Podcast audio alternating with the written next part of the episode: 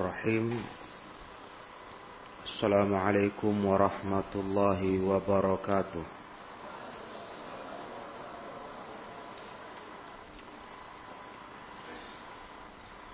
إن الحمد لله نحمده ونستعينه ونستغفره ونعوذ بالله من شرور أنفسنا ومن سيئات أعمالنا من يهده الله فلا مضل له ومن يضلل فلا هادي له أشهد أن لا إله إلا الله وحده لا شريك له وأشهد أن محمدا عبده ورسوله يا أيها الذين آمنوا اتقوا الله حق تقاته ولا تموتن إلا وأنتم مسلمون يا أيها الناس اتقوا ربكم الذي خلقكم من نفس واحدة وخلق منها زوجها وبث منهما رجالا كثيرا ونساء واتقوا الله الذي تساءلون به والأرحام إن الله كان عليكم رقيبا يا أيها الذين آمنوا اتقوا الله وقولوا قولا سديدا يصلح لكم أعمالكم ويغفر لكم ذنوبكم ومن يطع الله ورسوله فقد فاز فوزا عظيما فإن أصدق الحديث كتاب الله وخير الهدى هدى محمد صلى الله عليه وسلم وشر الأمور محدثاتها فإن كل محدثة بدعة وكل بدعة ضلالة وكل ضلالة في النار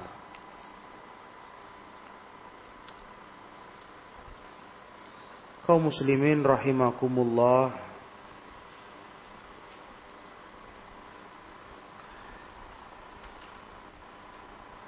Pelajaran tafsir surah At-Taubah akan kita lanjutkan di kajian malam hari ini masuk ke ayat 64 sampai ayat 66.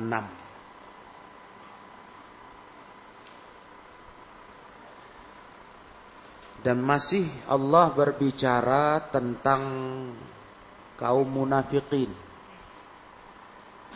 tentang mereka.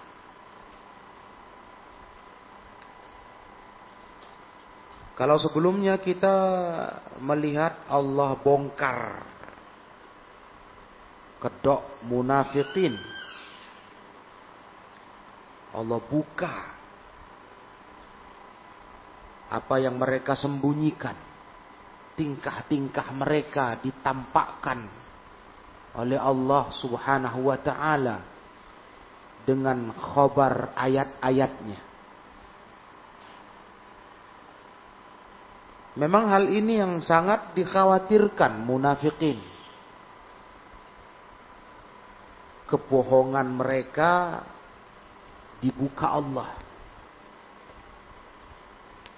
Mereka takut sandiwara mereka diketahui kaum muslimin.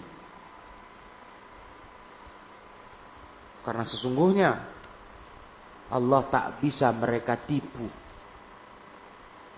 Mereka bisa sembunyikan kekafiran dari umat manusia. Dari umat Islam. Tapi tak bisa mereka sembunyikan dari Allah tabaraka wa ta'ala. Di ayat 64 ini sampai 66 Allah taala menceritakan kekhawatiran kaum munafikin itu. Allah berkata, "Yahzarul munafiquna an tunazzala 'alaihim suratun tunabbi'uhum bima fi qulubihim." Qul istahzi'u innallaha mukhrijum ma tahzarun Orang-orang munafikun itu takut, khawatir. Kalau-kalau diturunkan atas mereka tentang mereka satu surat yang surat itu memberitahukan tentang mereka apa yang ada dalam hati mereka. Mereka takut itu kata Allah. Takut terbongkar para ikhwan. Takut terbongkar. Jadi mereka cemas. Jangan-jangan turun ayat menceritakan khusus tentang tingkah laku mereka. Membongkar kedok mereka selama ini. Kulis tahzi'u, katakan hai Nabi Muhammad SAW kepada mereka.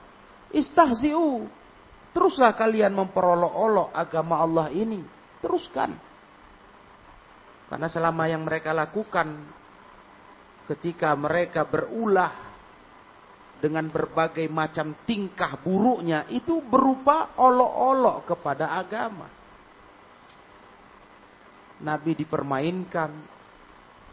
Iya dikasih uzur-uzur palsu untuk tidak berangkat menuju perang tabuk.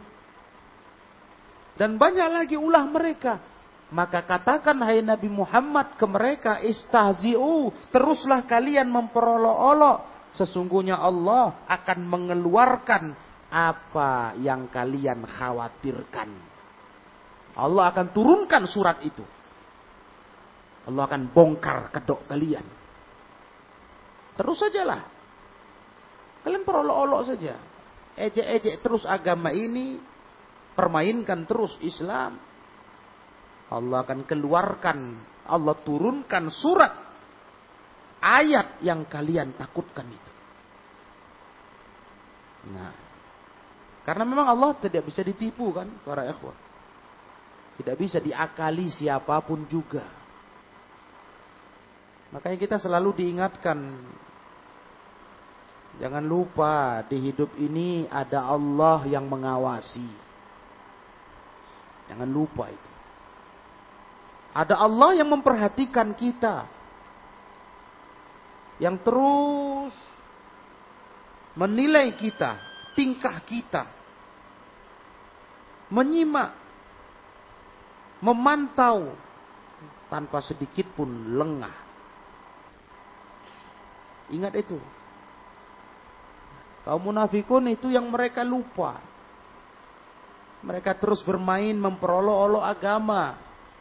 Sampai berani mempermainkan Rasulullah Sallallahu Alaihi Wasallam. Seakan-akan Allah tidur, Allah tak tahu, Allah bisa ditipu. Maka Allah berkata ke Rasulnya, Kulis tahzi'u, terus sajalah kalian. Olok-olok agama ini. Allah akan keluarkan, Allah turunkan surat itu yang kalian takutkan. Wala in sa'altahum la yaqulunna inna kun innama kunna nakhudu wa nal'ab. Kalau kau tanya mereka, kalau kalian tanya mereka tentang olok-olok mereka, mereka akan berkata, kami hanya main-main, bercanda. Selalu begitu. Sudah terbongkar, ketahuan olok-olok mereka. Dituntut, dikejar. Kenapa kalian begini? Berani mengejek-ejek, memperolok-olok Nabi, memperolok-olok agama. Mereka mengelak dengan berkata, Innama nahnu nakhudu wa nal'ab. Kami hanya main-main. Kami cuma canda tawa saja. Seluruh. Begitulah alasan mereka. Qul abillahi wa ayatihi wa rasulihi kuntum tastahzi'un. Katakan hai Nabi Muhammad, apakah terhadap Allah, terhadap Rasulullah dan ayat-ayat Allah kalian berani memperolok-oloknya?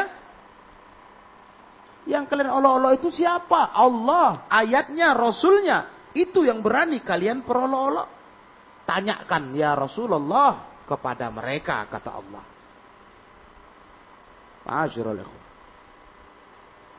Nanti akan dijelaskan oleh Syekh Sa'di bentuk olok-olok mereka waktu itu.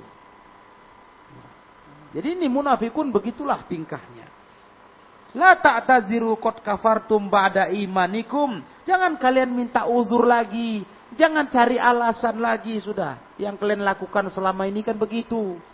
Selalu cari uzur. Kami begini, kami begini. Kali ini jangan kalian cari uzur lagi kata Allah. La ta'tadziru.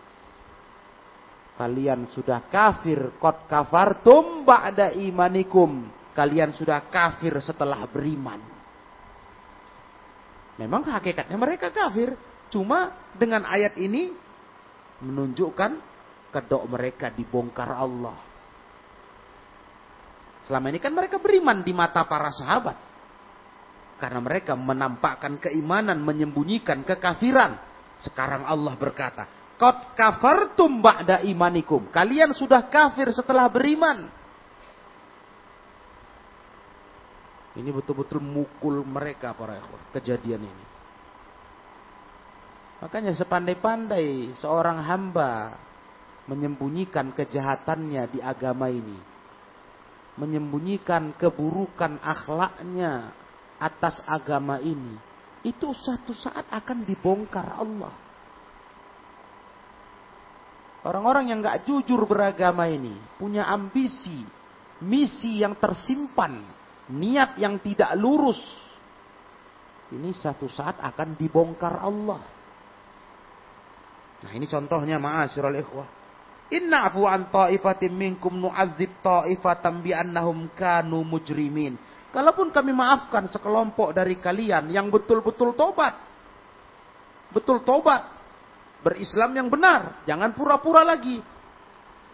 Tetap saja walaupun ada yang kami maafkan sekelompok lain kami akan berikan azab ke mereka karena mereka adalah kaum pendosa. Artinya ya kok. Kalaupun ada yang betul tobat, ya diterima agama, Allah terima.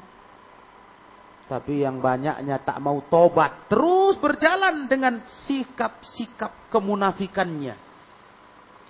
Maka kami akan azab mereka karena mereka memang kaum pendosa. Itu kelengkapan ayat 64 sampai 66. Kekhawatiran munafikin. Takutnya mereka cemas.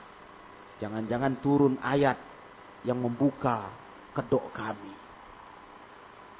Dan mereka telah berani memperolok-olok agama Allah. Terus-terusan. Diulang-ulang sampai kena batunya. Muncul satu kasus, mereka olok-olok lagi, Allah Ta'ala tidak beri uzur lagi ke mereka. Tidak beri kesempatan lagi. Langsung Allah fonis. Kot kafartum ba'da imanikum. Jadi di mata sahabat jelas. Wah ini kafir ini setelah beriman. Walaupun hakikatnya memang mereka kafir. Ya,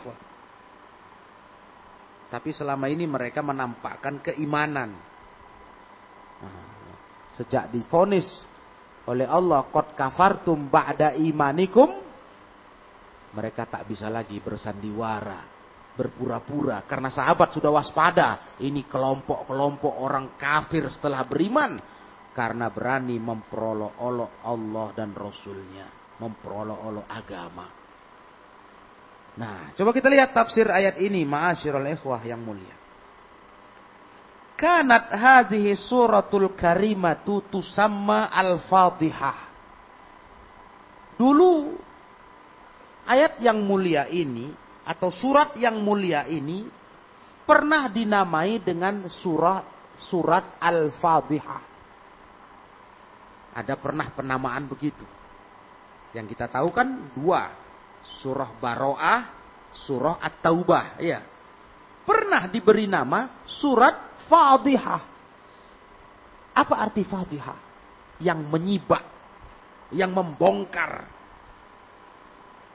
Dan memang isi sampai kita baca e, kajian malam ini, isi at-taubah banyak membongkar kedoknya munafikun. Nah, makanya sempat ayat ini dulu diberi nama Al-Fadhihah. Li'annaha bayanat asraral munafiqin. Karena ayat ini menjelaskan, surat ini menjelaskan tentang rahasianya kaum munafikin. Dibuka Allah, dibongkar Allah, wahatakat astarahum dan Allah sibakkan tabir penutup borok mereka. Dibuka, ditelanjangi istilahnya. Tak bisa mengelak lagi. Ini surah At-Taubah atau Baro'ah yang juga sempat dinamakan Fadihah. Nah, di sini Allah Taala famazal Allah yakul wa minhum wa minhum. Coba perhatikan ya ayat-ayat sebelum ini. Allah terus menerus berkata di antara mereka, di antara mereka. Kan begitu? Mengatakan tentang orang munafikin. Yang mana ini adalah wayadkur awsafahum. Allah sebutkan sifat-sifat mereka. Seperti di, dirinci betul oleh Allah. Di antara mereka begini tingkahnya, begini tingkahnya, begini tingkahnya. Tapi illa annahu lam yu'ayyin ashkhasahum.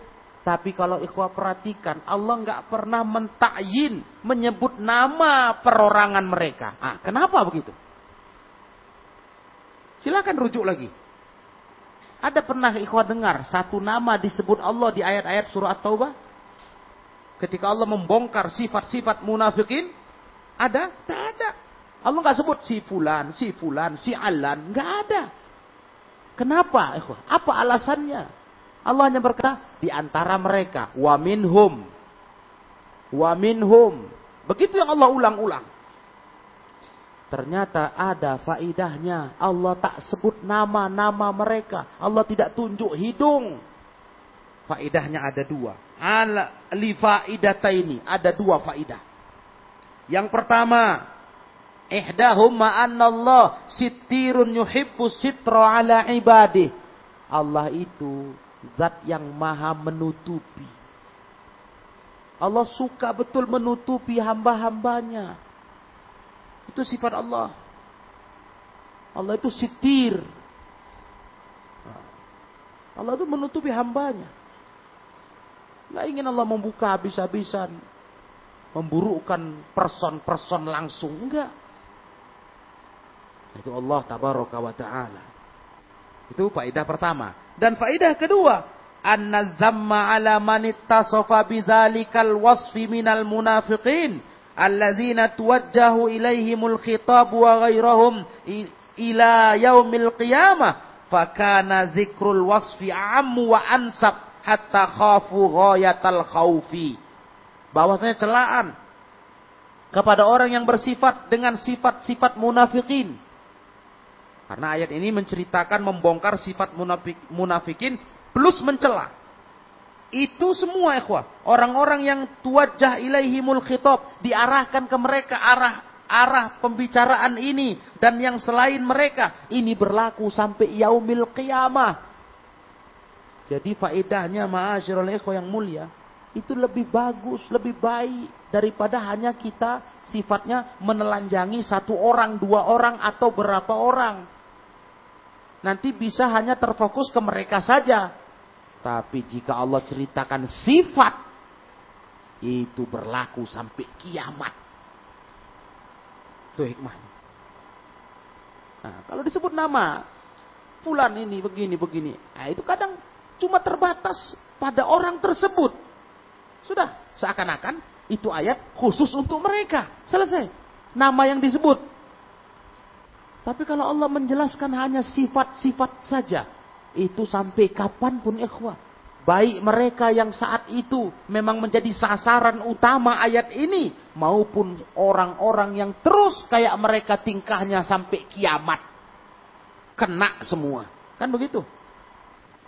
Nah itulah hikmahnya Allah nggak sebut nama. Padahal untuk sebut nama gampang. Nah, karena sudah jelas betul Allah nggak bisa ditipu. Tahu Allah siapa-siapa munafikun itu di kota Madinah. Tapi Allah nggak sebut. Agar apa? Kata beliau. Kata Syekh As-Sa'di, fakana zikrul wasfi ammu wa ansab. Hanya menyebutkan sifat-sifat munafikun itu. Itu lebih umum, lebih tepat, lebih cocok. Kita pun, yang Alhamdulillah. Kita bukan orang munafik yang menyembunyikan kekafiran, menampakkan keislaman tapi mendengarkan teguran-teguran Allah, celaan Allah untuk munafikun, yakni sifat mereka, kita pun takut. Ada kayak merasa itu? Tiap kajian malam ahad ini menceritakan sifat munafikun, kita pun takut. Khawatir kita bersifat seperti itu. Nah, lihat faidahnya. Betul-betul mencakup luas sampai kiamat. Teguran untuk seluruh umat manusia. Jangan kayak munafikun kalian. Orang-orang yang begini, begini, begini. Dengan sifat tercelanya. Jangan. Sadar kita ya. Alangkah ngerinya bersifat seperti munafikun. Maka hatta khafu ghayatal khauf. Sehingga menyebabkan mereka takut dengan rasa-rasa sangat takut. Itu mencakup semua manusia sampai kiamat. Siapa berani bersifat kayak munafikun, rasakanlah akibat yang ditanggung mereka. Nah, itu pentingnya para jemaah kita memurojaah, mengulang kaji, baca lagi ayatnya, lihat terjemahnya, ingat tafsirnya. Karena faedahnya luar biasa. Ini bukan hanya menghukumi, menghakimi personel seseorang saja Bukan hanya untuk beberapa orang saja, tapi untuk semua yang bersifat seperti itu. Kena. Wajib takut. Wajib berhenti, tobat kepada Allah. Karena itu sifat-sifat tercela. Ya, kayak yang kita pernah kaji kemarin itu para ikhwah yang mulia.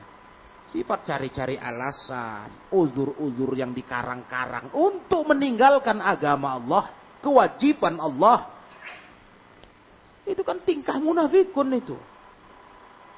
Manusia bisa kita tipu, manusia bisa kita kelabui. Bisa, tapi Allah tidak bisa. Bahkan Rasulullah SAW pun sampai ditegur Allah.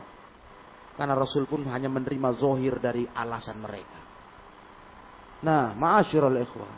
Makanya kita disuruh betul-betul berhati-hati dari tingkah munafikun ini. Tingkahnya sangat buruk sekali pecinta dunia yang sangat luar biasa mereka itu. Hmm, sangat mencintai dunia. Kalau dapat dunia gembira, kalau tak dapat marah. Berat betul diajak beramal soleh. Nah, ikhwanifidin azakumullah. Inilah kendala tingkah munafikun yang harus kita waspadai. Nah, Allah Ta'ala di dalam surat lain Allah berfirman, La illam yantahil munafiquna walladzina fi qulubihim maradun wal murjifuna fil madinati lanughriyannaka bihim thumma la yujawirunaka fiha illa qalila. Mal'unin. Ainama thuqifu ukhidhu wa qutilu taqtila. Ada ayat lain di surah Al-Ahzab ini. Wah, ini surah Al-Ahzab di ayat 60 sampai 61. Allah berkata, kalau tak mau berhenti orang munafikun itu dan orang-orang yang di hati mereka ada penyakit, nggak mau berhenti dari mengganggu Rasul, mengganggu kaum muslimin. Begitu pula wal murjifuna fil Madinah, orang-orang penyebar fitnah di kota Madinah. Nggak juga mau berhenti. Nanti kata Allah, "Nalanughriyannaka bihim." Kami akan suruh kau perangi mereka, kata Allah. Selama ini kan nggak disuruh. Tapi kalau mereka nggak berhenti, terus menerus berulah, berulah, berulah. Nanti kami perintahkan engkau, hai Nabi Muhammad, perangi saja mereka.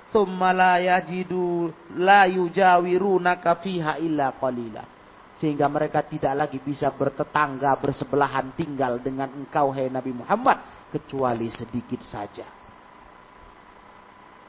Selama ini mereka didiami terus. Dan Allah tidak izinkan Rasul memerangi mereka. Karena dikhawatirkan timbul fitnah. Nanti muncul cerita Muhammad SAW membunuhi saudara-saudaranya sendiri. Karena mereka tampilannya tampilan Islam.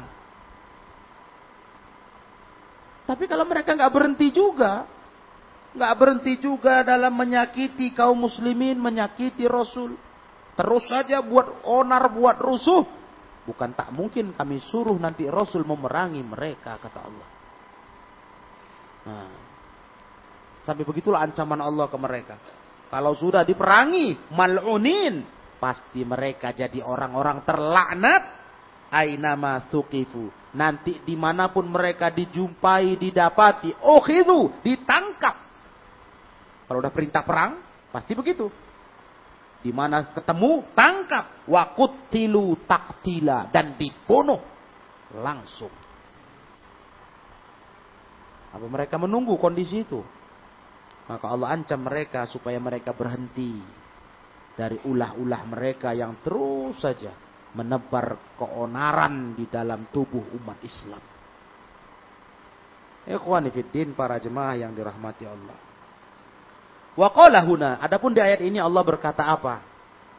Yahdharul munafiquna an tunazzala alaihim suratun tunabbi'uhum bima fi qulubihim ay tukhbiruhum wa tufdihuhum wa tubayyinu asrarahum. Orang munafikun khawatir. Kalau di ayat ini kan yang kita terjemahkan tadi. Takut kalau diturunkan ke mereka surat yang mana tunabiuhum. Arti tunabiuhum tukhbiruhum. Mengkabarkan tentang mereka. Watufdihuhum. Dan membukakan kedok mereka.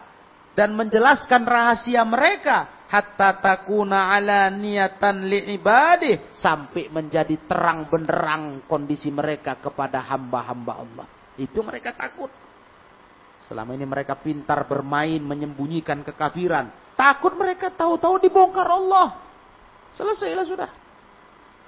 Ini yang mereka cemaskan sekali. Ma'asyurul ikhwah. Wa yakunun ibratun lil mu'tabirin. Wa yakunu ibratun lil mu'tabirin lil mu'tabirin dan mereka khawatir mereka nanti akan menjadi orang-orang yang diambil pelajaran bagi orang yang mengambil pelajaran. Artinya mereka jadi contoh buruk yang diambil pelajaran oleh orang-orang yang mengambil pelajaran. Ini yang mereka cemaskan para ikhwan. Mereka takutkan. Karena itu masa turun wahyu ke Rasulullah. Masih proses wahyu turun. Apa susahnya Allah turunkan surat membuka kedok mereka dan surat Quran mesti diajarkan ke sahabat. Oh, ini yang mereka gelisah. Ya begitulah ya. Memang orang yang buat dosa, orang punya masalah di hidup ini, sudah nggak cocok dalam tingkahnya sesuai agama, itu tentu nggak tenang hidupnya. Tentu nggak nyaman, gelisah, resah. Masya Allah. Dan ini dirasakan munafikun.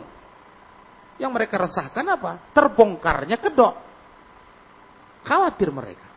Nah, Qul istahzi'u ay istamiru ala ma antum alaihi minal istihza' was sukhriyah. Katakan hai Nabi Muhammad, terus meneruslah kalian, lanjutkan. Apa yang kalian lakukan berupa tingkah memperolok-olok, mengejek-ngejek selama ini. Lanjutkanlah. Itu terus yang kalian lakukan memang. Teruskan. Innallaha mukhrijum ma tahzarun. Waqad waffa ta'ala biwa'dih.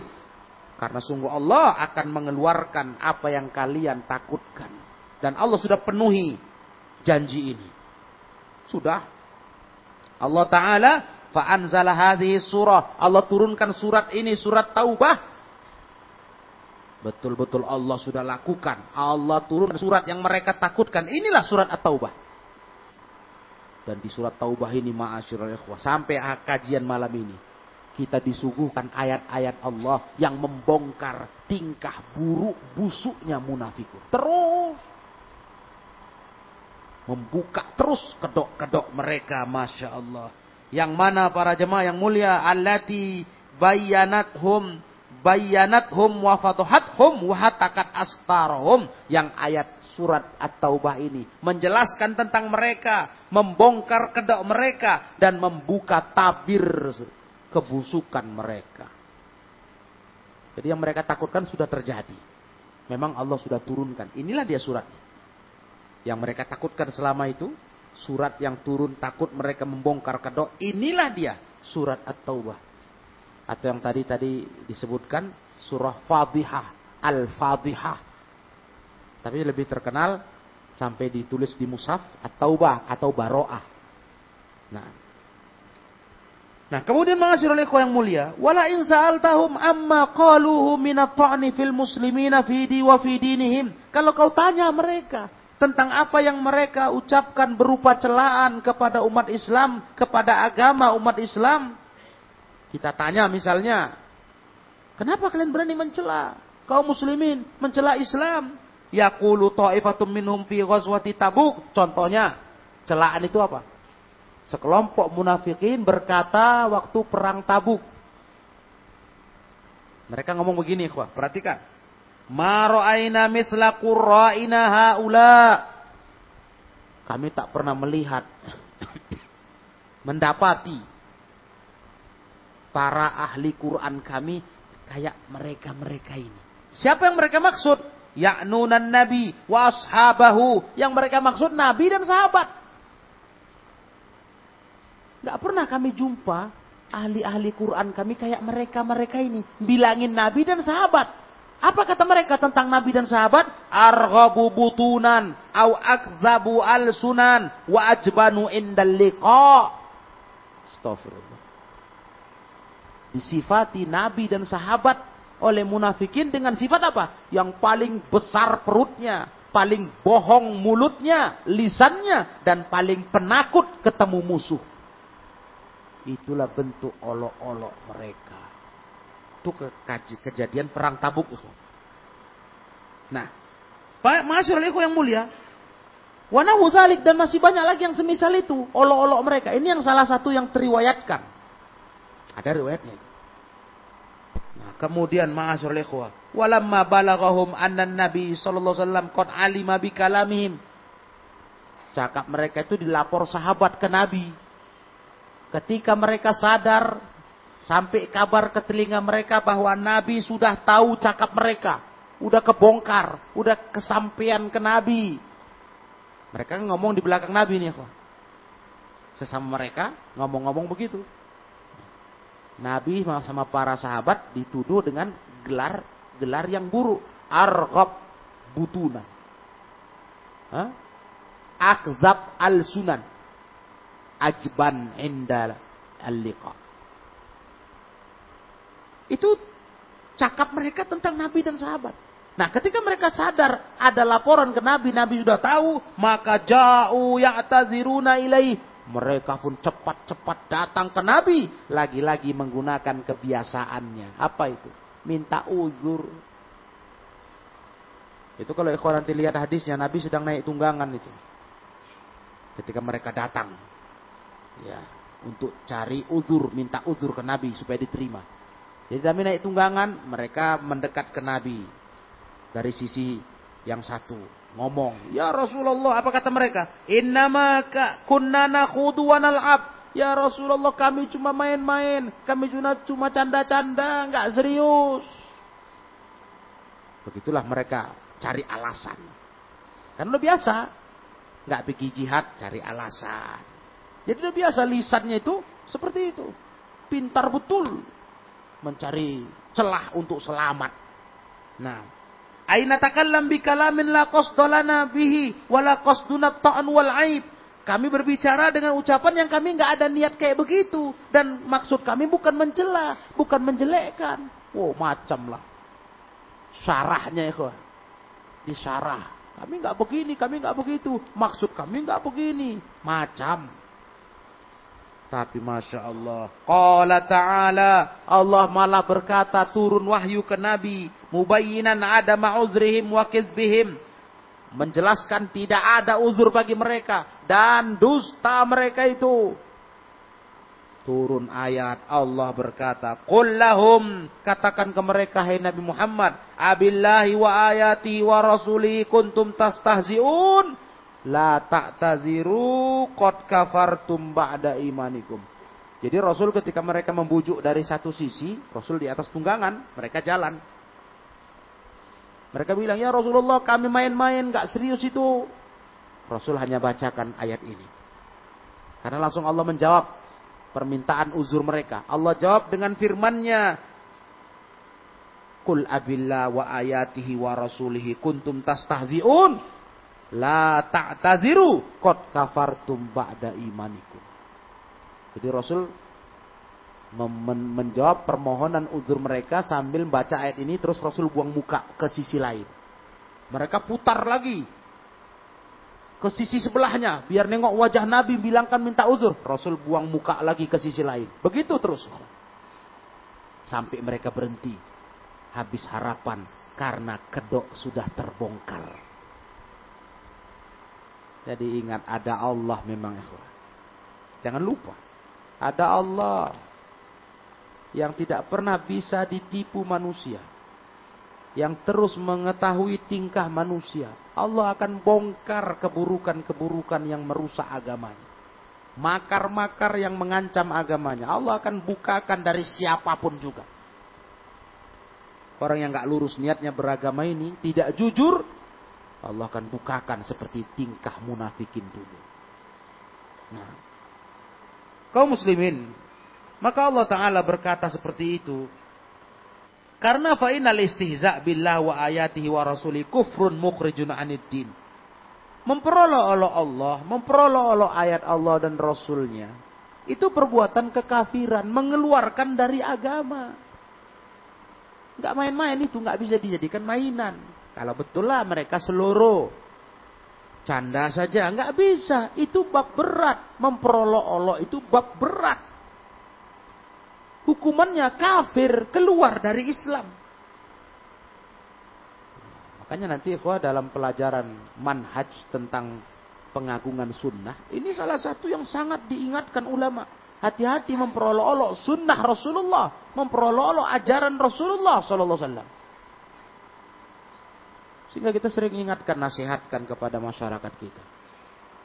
Kalau adalah ajaran Islam yang sudah jelas dari Rasul, dari Islam kita belum sanggup mengamalkannya. Itu jangan coba-coba menghujatnya. Jangan coba-coba mentertawakan, mengejeknya. Jangan, tapi berusahalah untuk bisa berbuat mengamalkannya dan salahkan diri kita. Kenapa? Kok tak bisa tunduk kepada hukum Islam yang sudah jelas? Jadi jangan hukum Islamnya diganggu, jangan hukum Islamnya diserang, dipersalahkan. Kenapa begini? Kenapa begitu? Jangan ya, kalau hukum Allah itu wajib diterima. Kalau belum sanggup yang yang salah kita, bukan hukumnya diperso, dipersoalkan, diperkarakan. Nah, ini sampai ada bab bahasan itu. Hukmul istihza bis sunnah. Hukum memperolok-olok sunnah. Berat itu. Karena Islam ini agama yang sudah sempurna. Dan bukan buatan Nabi. Ini wahyu. Nabi cuma penyampai, bukan pembuat agama.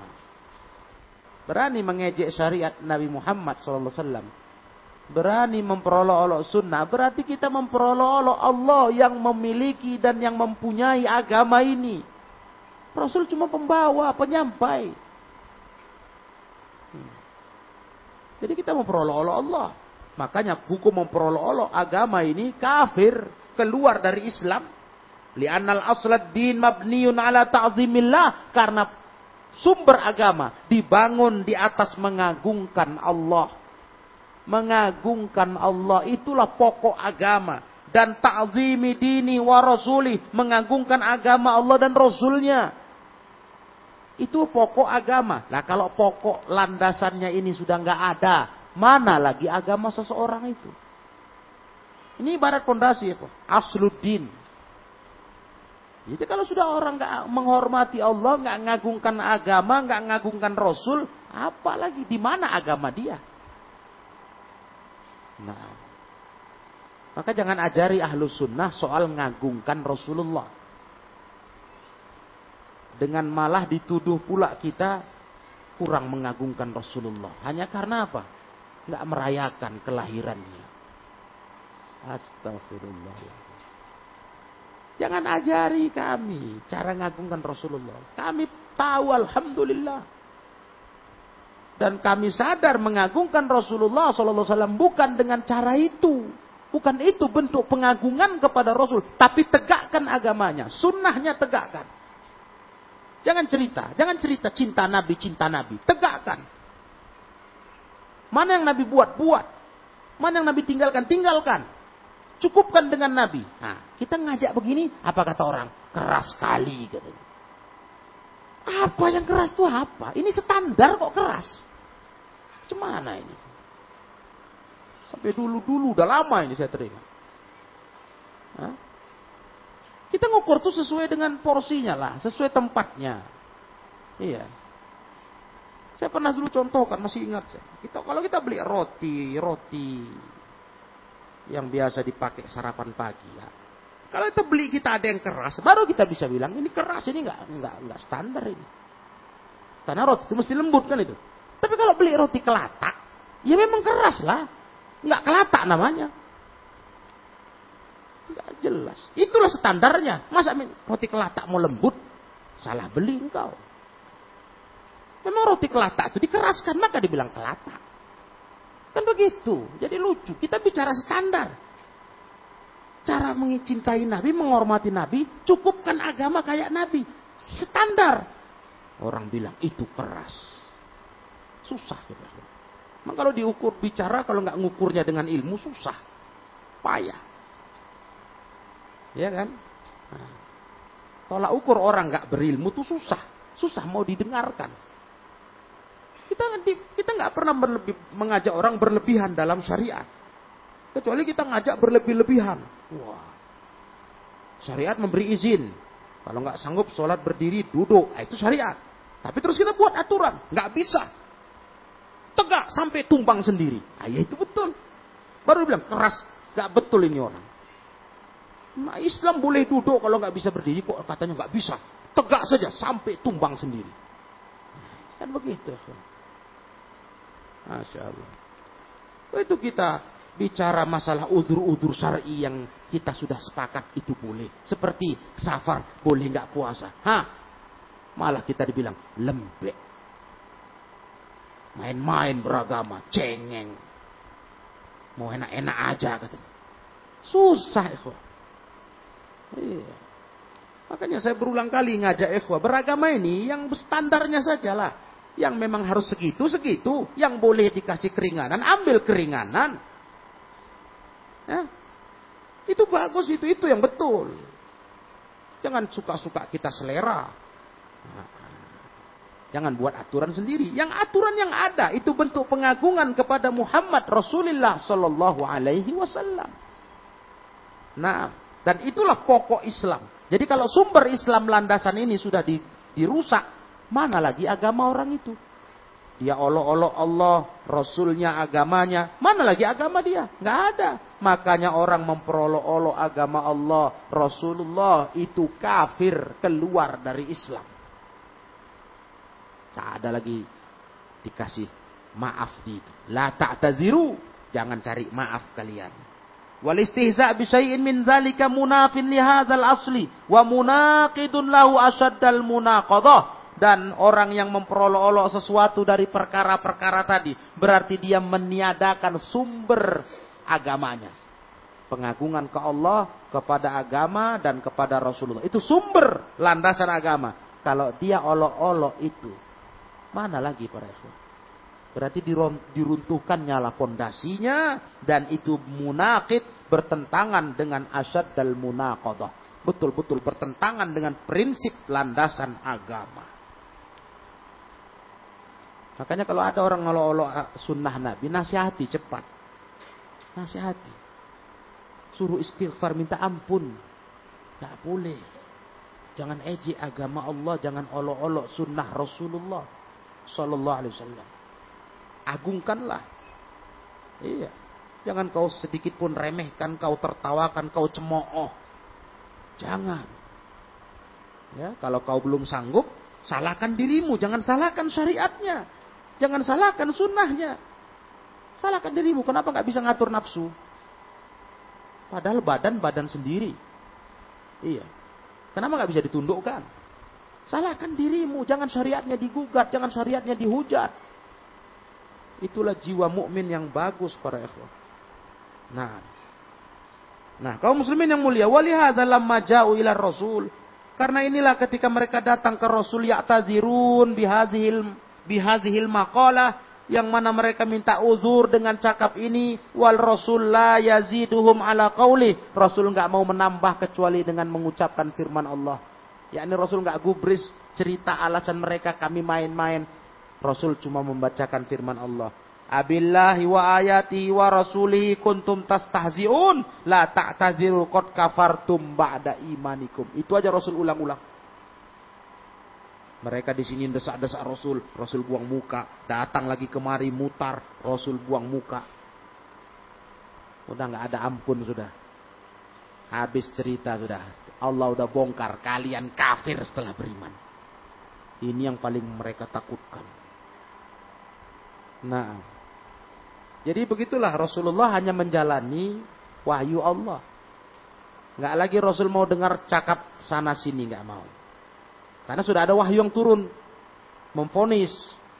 Nah, dan memang hakikatnya mereka munafikin ya Cuma kan selama ini saya ulangi lagi, mereka kan nggak diketahui nifaknya oleh sahabat. Mereka diketahui muslimin. Nah, kalau udah turun ayat ini, fonis mereka kafir setelah beriman, ya sudah terbongkar lah. Ke depannya sahabat udah hati-hati. Ini orang-orang kafir setelah beriman.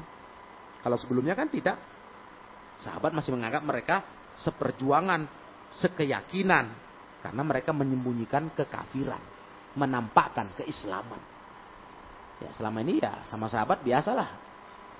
Nah, membaur, bahkan cerita jihad, cerita perang, cerita Islam. Nah kalau udah begini, mereka akan ditakuti, akan diwaspadai oleh para sahabat. Karena mereka orang yang memperolok-olok agama Allah, memperolok-olok Rasulullah dan para sahabat. Dan Allah sudah putuskan hukum untuk mereka. Mereka kafir setelah beriman. Itu dia. Ini ayat yang kita baca di malam hari ini. Kemudian wa qawluhu inna'fu ta'an ta'ifatim minkum litaubatihim wastighfarihim wa nadmihim nu'adzib ta'ifatan minkum bi annahum bisababi annahum kanu mujrimin muqimin ala kufrihim wa nifaqihim. Kata Allah, kalaupun kami maafkan sekelompok mereka yang mau tobat betul-betul tobat, minta ampun, nyesal, ya, nggak apa-apa, kami kasih. Karena Allah nggak menutup pintu tobat sebelum hamba itu nafasnya mau lepas di kerongkongan. Kalau betul tobat dari kalangan munafikun itu, betul, ya Allah terima. Tapi tetap saja nu'adzib ta'ifatam minkum. Kami tetap siksa, azab sekelompok lagi di kalangan kalian. Yang mana mereka itu kanu mujrimin. Terus menerus mukimin. Ala kufrihim wa nifakihim. Yang terus menerus konsisten di atas kekafiran dan kemunafikannya. Berarti yang nggak mau beriman, ya tetap Allah azab. Yang mau tobat, jujur, mau berubah, mau istighfar, Allah terima. Itulah Allah Ta'ala maha penerima taubat. Nah, asal hamba mau taubat ikhwah. Nggak ada kata terlambat sebelum kiamat dan sebelum ajal sudah di kerongkongan kita. Ya.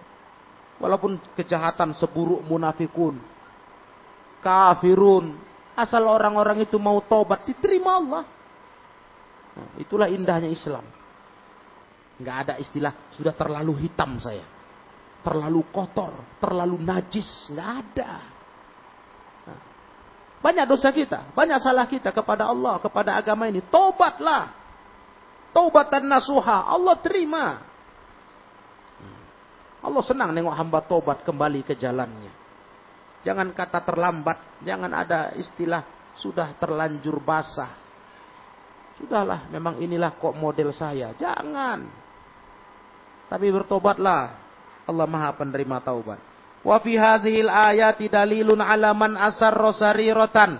Maka di ayat-ayat ini ada dalil bahwa siapa yang menyembunyikan sebuah rahasia asarra sariratan khususon as-sarirah allati yamkaru biha bidini yang khususnya lagi rahasia yang dengan itu dia buat makar ke agama Allah. Buat makar. Gerakan-gerakan makar merongrong Islam. Buat rahasia-rahasia isinya makar. Hah? Wa yastahzi wa yastahzi'u bihi wa bi ayatihi wa rasulih. Dia olok-olok ayat-ayat Allah, dia olok-olok Allah dan Rasulullah. Nah, di belakang dia buat gerakan, dia buat aksi-aksi tersembunyi untuk merusak agama Allah. Tabaraka wa ta'ala. buat rahasia-rahasia dalam gerakan-gerakan merusak agama, maka ingat Ingat ayat ini, Allah taala yudhiruha wa yafdahu sahibaha. Allah pasti akan tampakkan rahasia busuk itu. Allah akan tampakkan, Allah bongkar pelakunya. Maka demi Allah ikhwah, banyak betul nasihat ulama yang mengajari kita kalau urusan yang tukang buat makar merusak Islam, jangan khawatir, serahkan sama Allah. Gak usah khawatir. Sampai ada himbauan-himbauan, awas, waspadai munafikun di sekeliling kita banyak. Bagaimana kita mewaspadai kalau dimaksudkan munafikun yang sesungguhnya? Kita pun tak tahu mereka siapa. Siapa orangnya.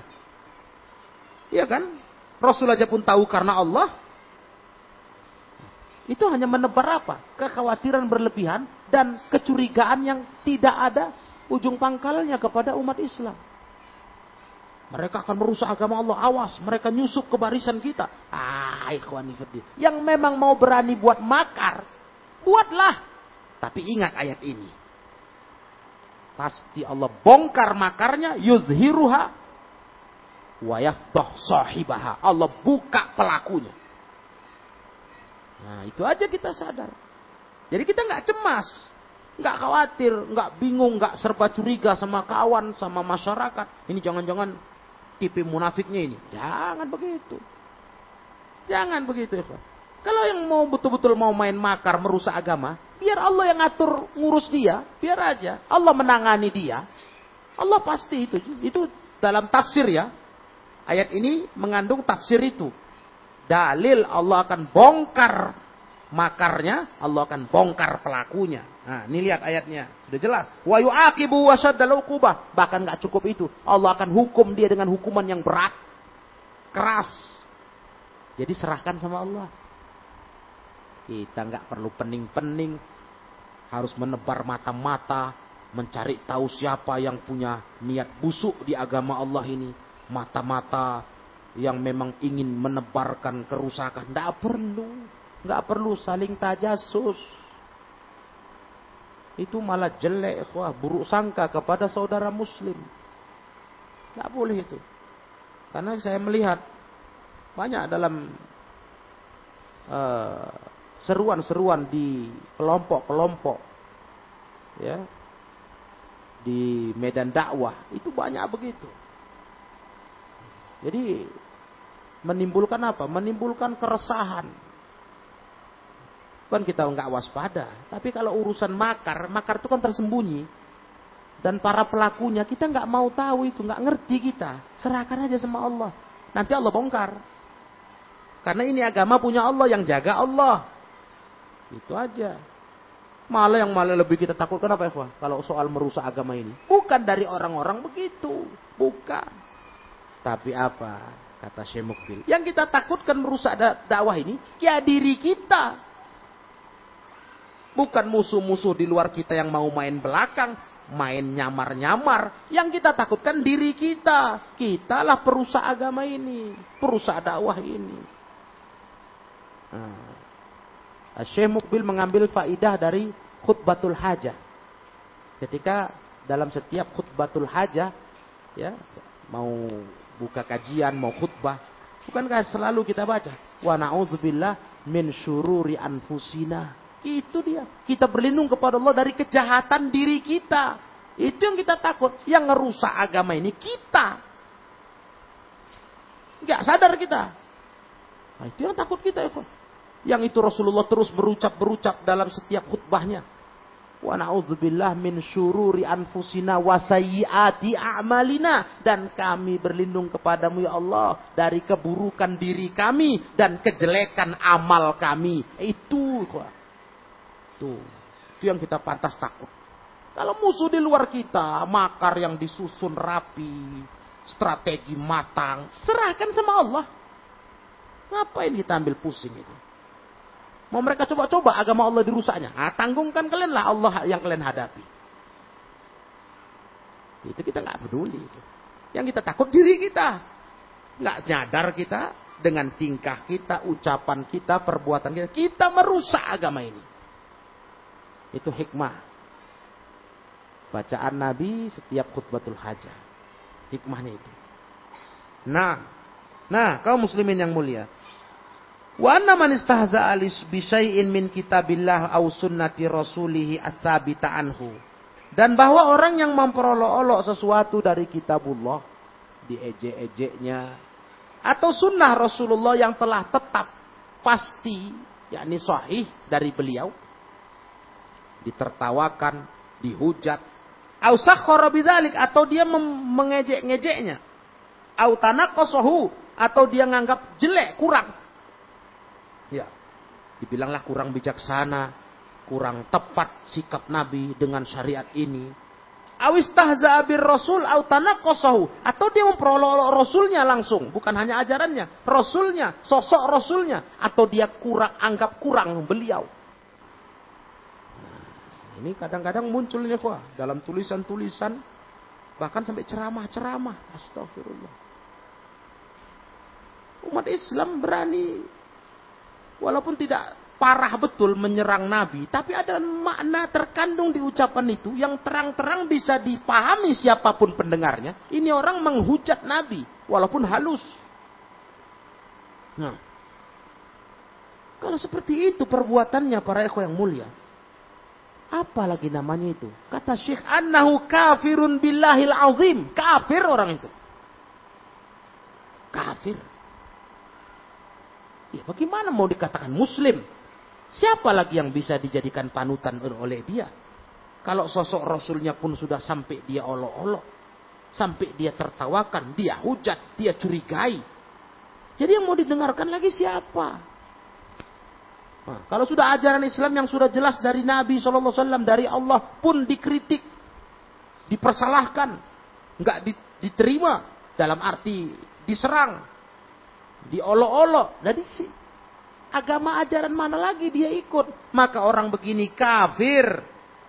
Ini nggak keras ya, wah. Cakap syekh ini pas ini.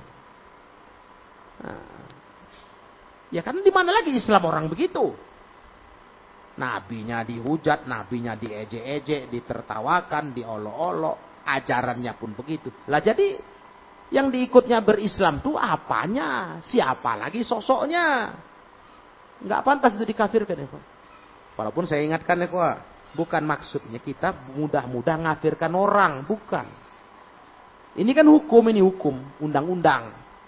Adapun kalau tunjuk hidung per kasus itu perlu proses yang lebih panjang masih perlu proses. Karena kadang karena terlalu terlalu lama kebodohan merajalela mungkin saking bodohnya orang sampai dia nggak sadar dia memperolok-olok sunnah Nabi. Makanya nggak bisa sembarangan ngafir-ngafirkan. Ini saya luruskan ya. Ini hanya undang-undang. Ya. Adapun menerapkannya kepada individual manusia personnya hati-hati. Itu perlu syarat-syarat lagi. Jadi nggak sembarangan kita ngafirkan orang Islam Begitu aturannya. Ya nggak mudah-mudah kita tunjuk hidung. Kalau gitu kafir kau, kafir kau nggak bisa. Ini undang-undang saja.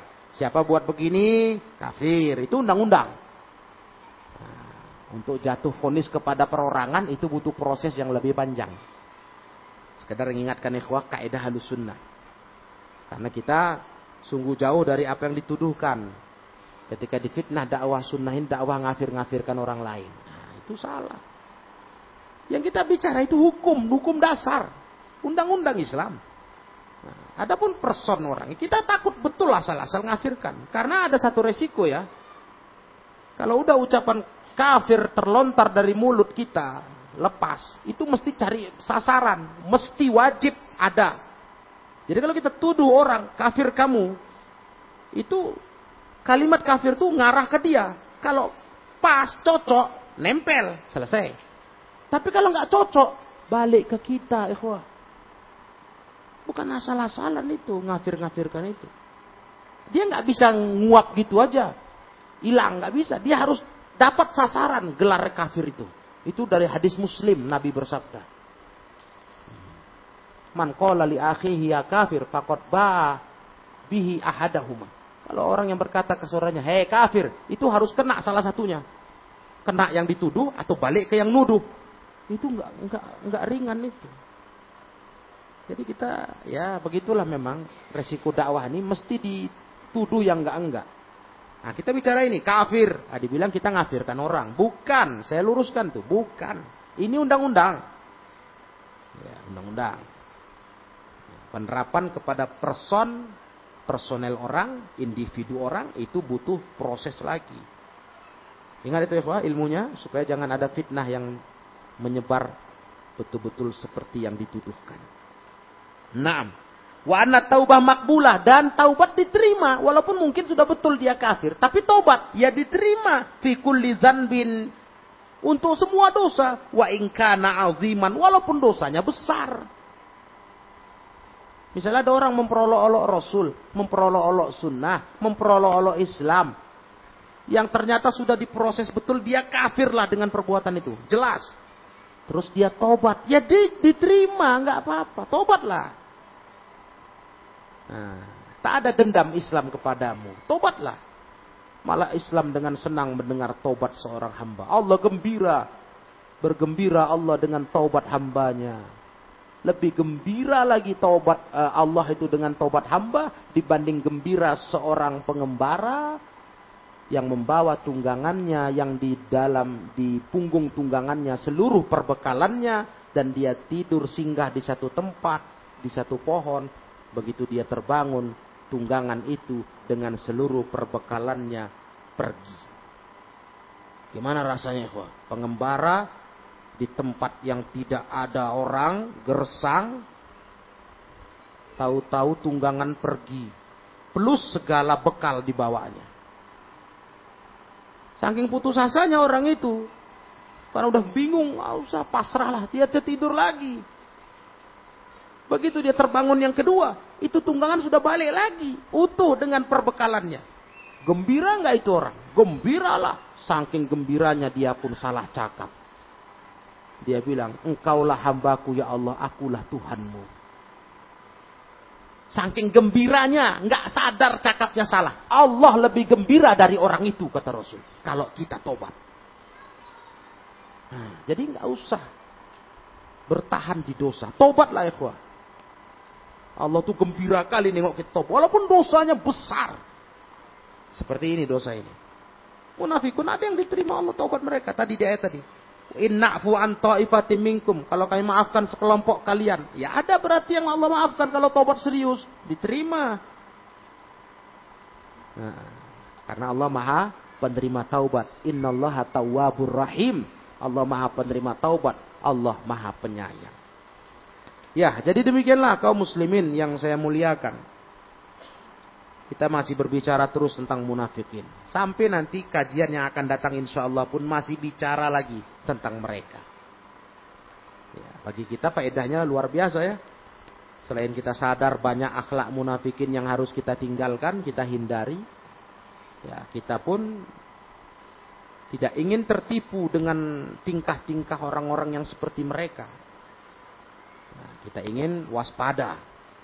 Waspada kita terkena tingkah itu, waspada orang yang kena tingkah itu. Nah, hati-hati. Tapi kalaupun mereka buat makar ke agama, serahkan kepada Allah. Allah yang menjaga agamanya. Baik. Nah, demikianlah kita selesaikan ayat 64 sampai 66 untuk kajian malam hari ini. Semoga ini bermanfaat dan saya akhiri wallahu a'lam bissawab wa akhiru da'wana anil hamdulillahi rabbil alamin